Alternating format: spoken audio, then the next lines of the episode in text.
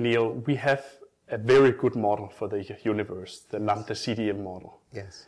Where it predicts, or at least it can take us from the Big Bang yes. all the way up to, to where we are today. Yes. It can predict the evolution of the universe mm-hmm. with the components of matter, dark matter, yes. dark energy, okay, right. terms that we don't know that much about, right. but it can tell us about the evolution. Yes. Now, to get the perturbations, yes. the fluctuations that yes. we see in the CMB background, right. the fluctuations that grow to the structures that we see today, yes. we need to have something happen very early on. Yes. And people have been speculating or proposing this to be mm-hmm. called inflation. Right. Right.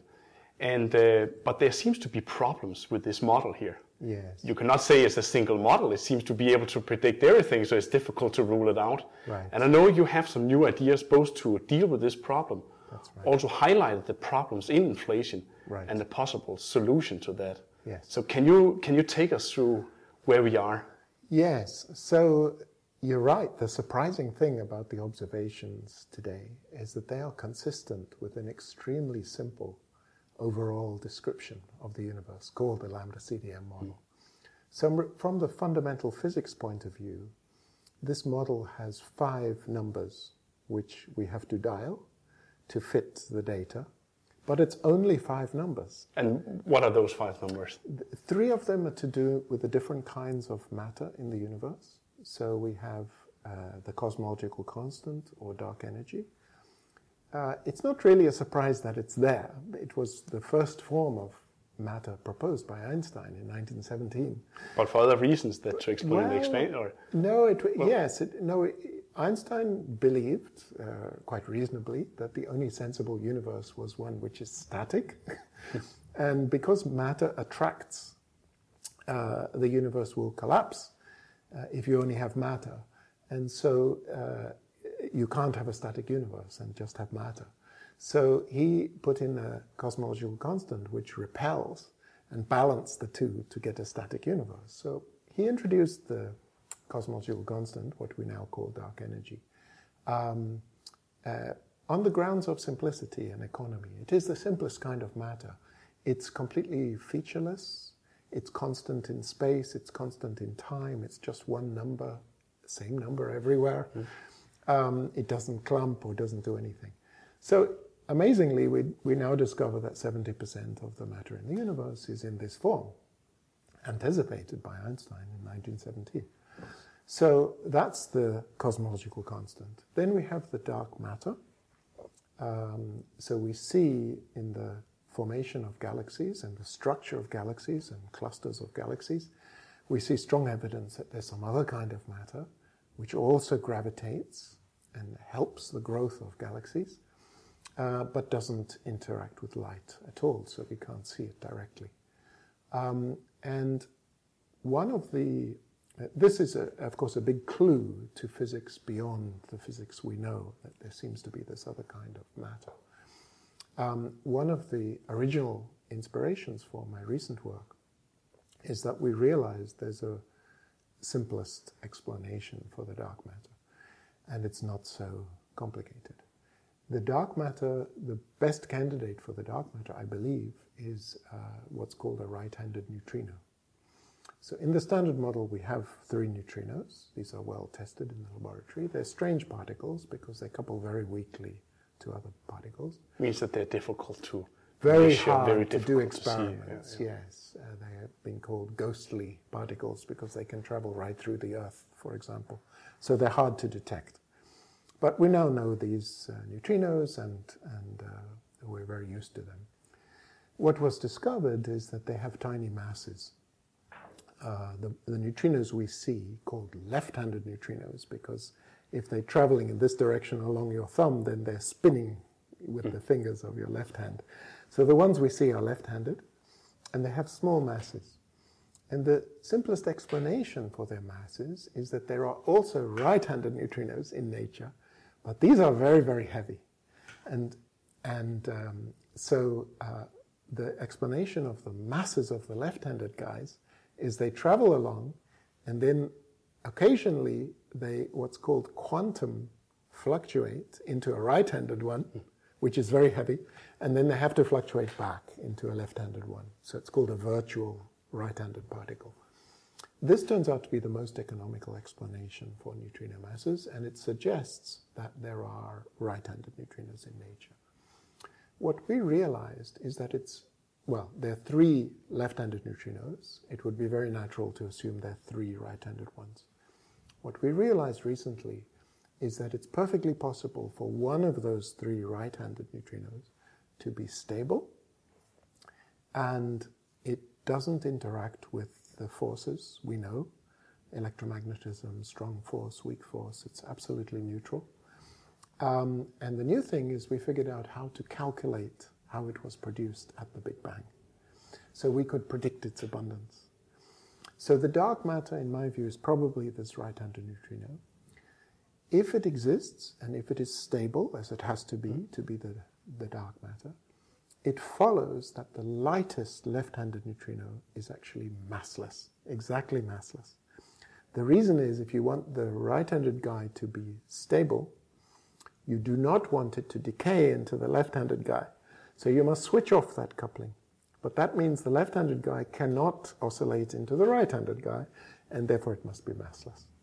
So we have this clear prediction, and then amazingly this will be checked in the next three or four or five years by galaxy surveys, because galaxy surveys are now so sensitive that they are able to infer the masses even of neutrinos, these tiny masses of neutrinos, by measuring how strongly galaxies themselves cluster. But here you're saying that it is really not a measurement of this massive one. No. But it's a measurement of the, of the lighter one. Exactly. So our explanation of the dark matter predicts that the light one should be massless. Massless, and, and that will be tested. Yeah. If that test turns out to be positive, that indeed the lightest one is massless, I believe this explanation for the dark matter is easily the most plausible. So if we're going to the inflationary picture, yes, yes. which also claims to be able yes. to solve whatever you're going to observe at some point, right? or observing currently. Yes, like, like yes. where is that tension, or why right. why is there a problem? Right. So inflation has been around for 40 years. Uh, I was actually very fortunate, and I de- attended as a graduate student the first workshop on inflation held in Cambridge um, which is a famous workshop where people first spoke about this mechanism for making the fluctuations that lead to galaxies. Is it true? Like we have these, you can think about it maybe as quantum fluctuations yes. very early on. Yes. You have an enormous stretch, it's stretching, right? And you yes. basically, you know, manifest these uh, fluctuations yes. into the uh, real matter that we see exactly. today. Exactly. So it's a very, very beautiful idea that because we know from all of the uh, physics that we do uh, of the standard model that the fields which describe all the particles and forces do fluctuate in the vacuum. They cannot stay still because of the Heisenberg uncertainty principle, so they're always oscillating. And these oscillating oscillations in the vacuum get blown up by expansion, by inflation, into very large scale fluctuations in the density of the universe. And this is what we see. And just to make sure this is not part of the lambda CDM model, say it's something we have to right. stick to the model at very early times, right? Right. So you have a little freedom in how it all started yes. before you get into the standard evolution. yeah, right? so lambda CDM is just a parameterization of these fluctuations. Mm. It's an amazingly simple parameterization because it uses only two numbers. One is the overall amplitude, how, by how much the density varies across the universe as the universe came out of the Big Bang. Mm. That number is about one part in 100,000. So it's a very small variation. The second number tells you that the variations are slightly stronger on long wavelengths, only uh, by a very small amount. So as you go to bigger and bigger scales, the fluctuations get ever so slightly larger. So just two numbers, and then you say these two numbers characterize a random field, like ripples on the surface of the sea or something. You know, it's a really random pattern of ripples. And those ripples turned into galaxies and clusters of galaxies, and CMB fluctuations. All of this is explained with just two numbers. So it's, it's very remarkable. Now, That's a lambda CDM model, which does not explain those numbers. It just fits those numbers to and the data. In time, yeah. And remarkably, to fit all the data we see, many, many different measurements, these same two numbers fit everything consistently. Of course, there's some tensions. At the moment, people are worried about the Hubble constant. But none of these is yet compelling. None of the, none of the, you know, uh, difficulties in fitting the data with this model is yet at a level where you really need to, dis- where they disprove the model. We're nowhere near that. This model is doing amazingly well. Now, inflation, one of the reasons it became so attractive is it provided this mechanism which could explain these two numbers. The reason why that wasn't, for me, wasn't convincing is, as you said, there are a huge number of inflation models you explain these, you don't explain these two numbers either. You just adjust the models to fit the numbers. Mm. And you've got 10,000 models to choose from.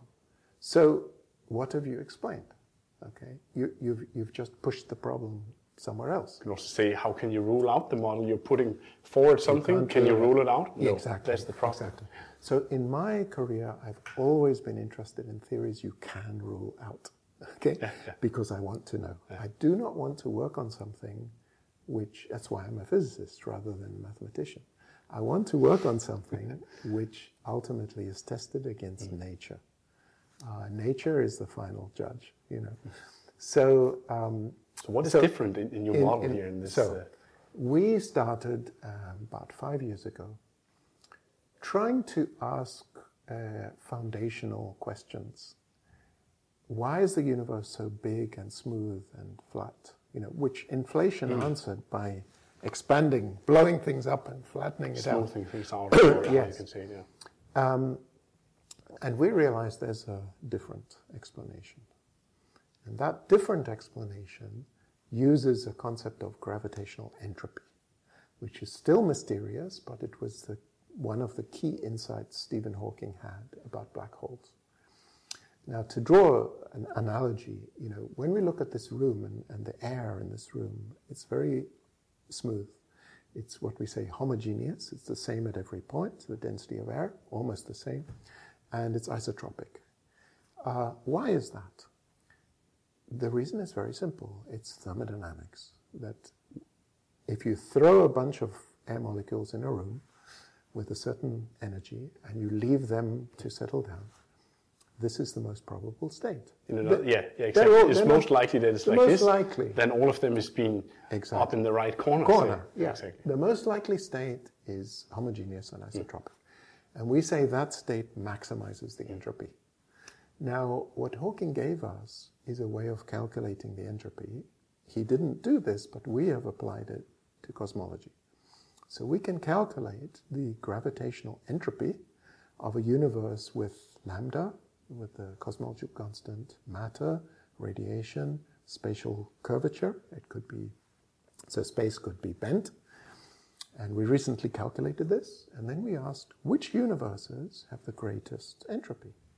And it turned out that the most uh, probable universe is spatially flat, and it is homogeneous and isotropic. So that is a consequence of thermodynamics. You do not need a mechanism explain it. Okay, it's the mo- so my current belief, and based on this calculation, is that the universe we see around us is in fact the most probable universe.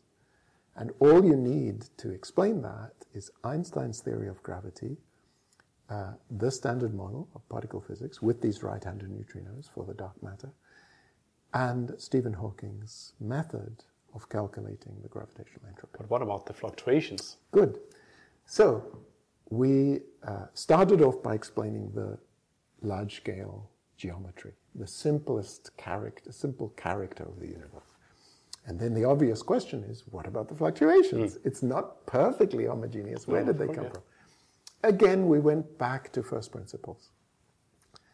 It's very plausible that what we're seeing in these fluctuations are the quantum fluctuations from the vacuum. That's very plausible. They have the same statistical properties as the fluctuations in a quantum field in its vacuum. So they seem to, to fit.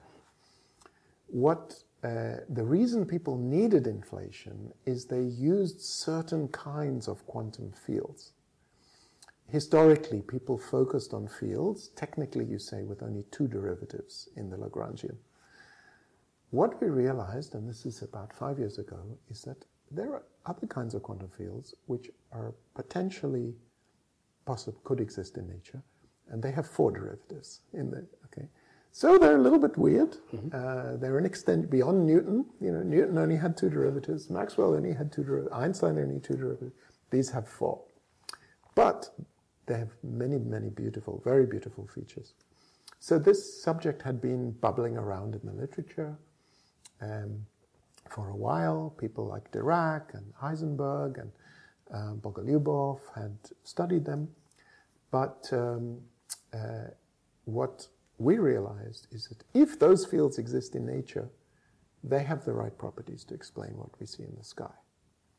Now, why, what role do these fields play in the standard model? That was the question.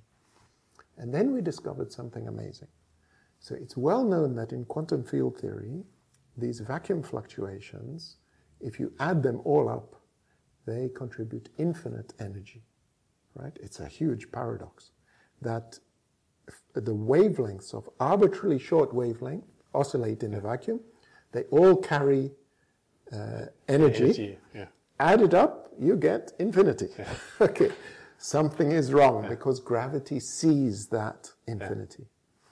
So people have found various ways to disguise this in quantum field theory, but it leaves you very queasy. It means we don't really understand something about how gravity couples to these quantum fluctuations. There are similar problems called anomalies. The standard model, if you write it down classically, has certain very beautiful symmetries. One of them is called local scale symmetry. You know, with the Maxwell equation, an X-ray is the same as a photon, it's the same as a radio wave. They're all identical, they're just scaled just up and down. Wavelengths. Dif- yeah, different yeah, wavelengths. Exactly, yeah. Okay. So, and, and there's even more symmetry because Maxwell's theory, if I change the scale in space time locally, it's still unchanged. Okay, so I can distort space time locally with a scaling, and there's no effect on Maxwell's wow. equation at all. So it's amazing symmetry. Dirac's theory if you ignore masses, has the same property, scale, uh, in locally scale invariant. Very beautiful. So it turns out these anomalies spoil that. The quantum vibrations in the vacuum, because they're divergent, spoil these symmetries mm. of, uh, of the theory. So it's a deep problem. What we realized is that by adding these four derivative fields, we cancel all these problems at once. I see the vacuum, and only at the first level of approximation, I, I, I mm. emphasize, because this is only a sort of very preliminary indication. But it's still amazing. There was a sort of numerological coincidence that if you add the right number of these fields, you cancel three problems at once. And no one ever did that before. You cancel the vacuum energy and you cancel these local scale anomalies. So then, using this, we said, okay, let's use these fields to cancel uh, the, the violation of local scale symmetry. Now let's go to the Big Bang. The Big Bang is the place you really want to have local scale symmetry. Why? Because the whole universe is going to zero size. Now, good luck with doing physics when the universe is zero size. It's a point. Yeah. You can't do anything. There are no differential equations, nothing. So some people, and most people, would just say, give up. You know, you're not going to describe the singularity. Not so fast. Because if all the matter in the universe is locally scale invariant, it doesn't it know doesn't, about the size matter, yeah. of the universe. Exactly, it doesn't matter. Yeah, no. So you trace it back to the Big Bang, and as far as the matter is concerned, everything's fine. fine. So this is what we discovered. We discovered that we can actually describe the Big Bang. We can, what the technical method is called analytic continuation, basically means that the functions involved are smooth, you can follow them right through, and you can describe uh, the Big Bang itself. So to boil it down in your model, yes, you have to add two components yes. to what we already know. That field that we're talking about yes. in the right-handed neutrinos. side neutrinos. Yes. So now when you say add, um, I won't quite go along with that because the right-handed neutrinos, we're almost certain okay. they needed that, anyway. That could be, yeah. Because we that is we right. know we le- the, the left-handed, left-handed guys have small them. masses. That is right. So we haven't really added anything. No. The people who added it were in the 1970s. They yeah. added it, and I think they did a beautiful job to explain. So we're just using that. You're right. So I define the yeah. standard model to include them. Yeah. Now, these other fields, they have a very bizarre property, which was realized in the 80s but not appreciated by the physics community. Their property is that they don't have any particles. They only have a vacuum. Mm. It's the only state in the theory. So the vacuum of these new fields we're adding is unique. All it is doing is actually fixing the vacuum of the standard model so that it is compatible with the local scale symmetry and zero energy uh, uh, at the first level of approximation. So it, I would say it's a compulsory addition to the standard model. Without these fields, standard model doesn't make sense coupled to gravity. So what we see is that by introducing these things, they then perturb the universe coming out of the bang. And then the kind of miracle that happened in our paper we came out with in February is that we calculate the strength of the fluctuations and the small tilt from first principles and the degrees with what we see. And the model that you have yes. is testable. You can yes, rule it out. Absolutely. And as we talked about, absolutely. Right now, the absolutely. surveys are out there measuring yes. the masses of the neutrinos, which is the key point in, but in the not just the neutrinos, the fluctuations, the fluctuations too. Yeah. So we have only done the first calculation of these fluctuations. There are theoretical uncertainties. We included some things we didn't include. Those have to be refined on the observational side, we're going to measure the power spectrum of fluctuations more and more precisely. If those two, if the theory and the observation continue to agree, this will become completely compelling.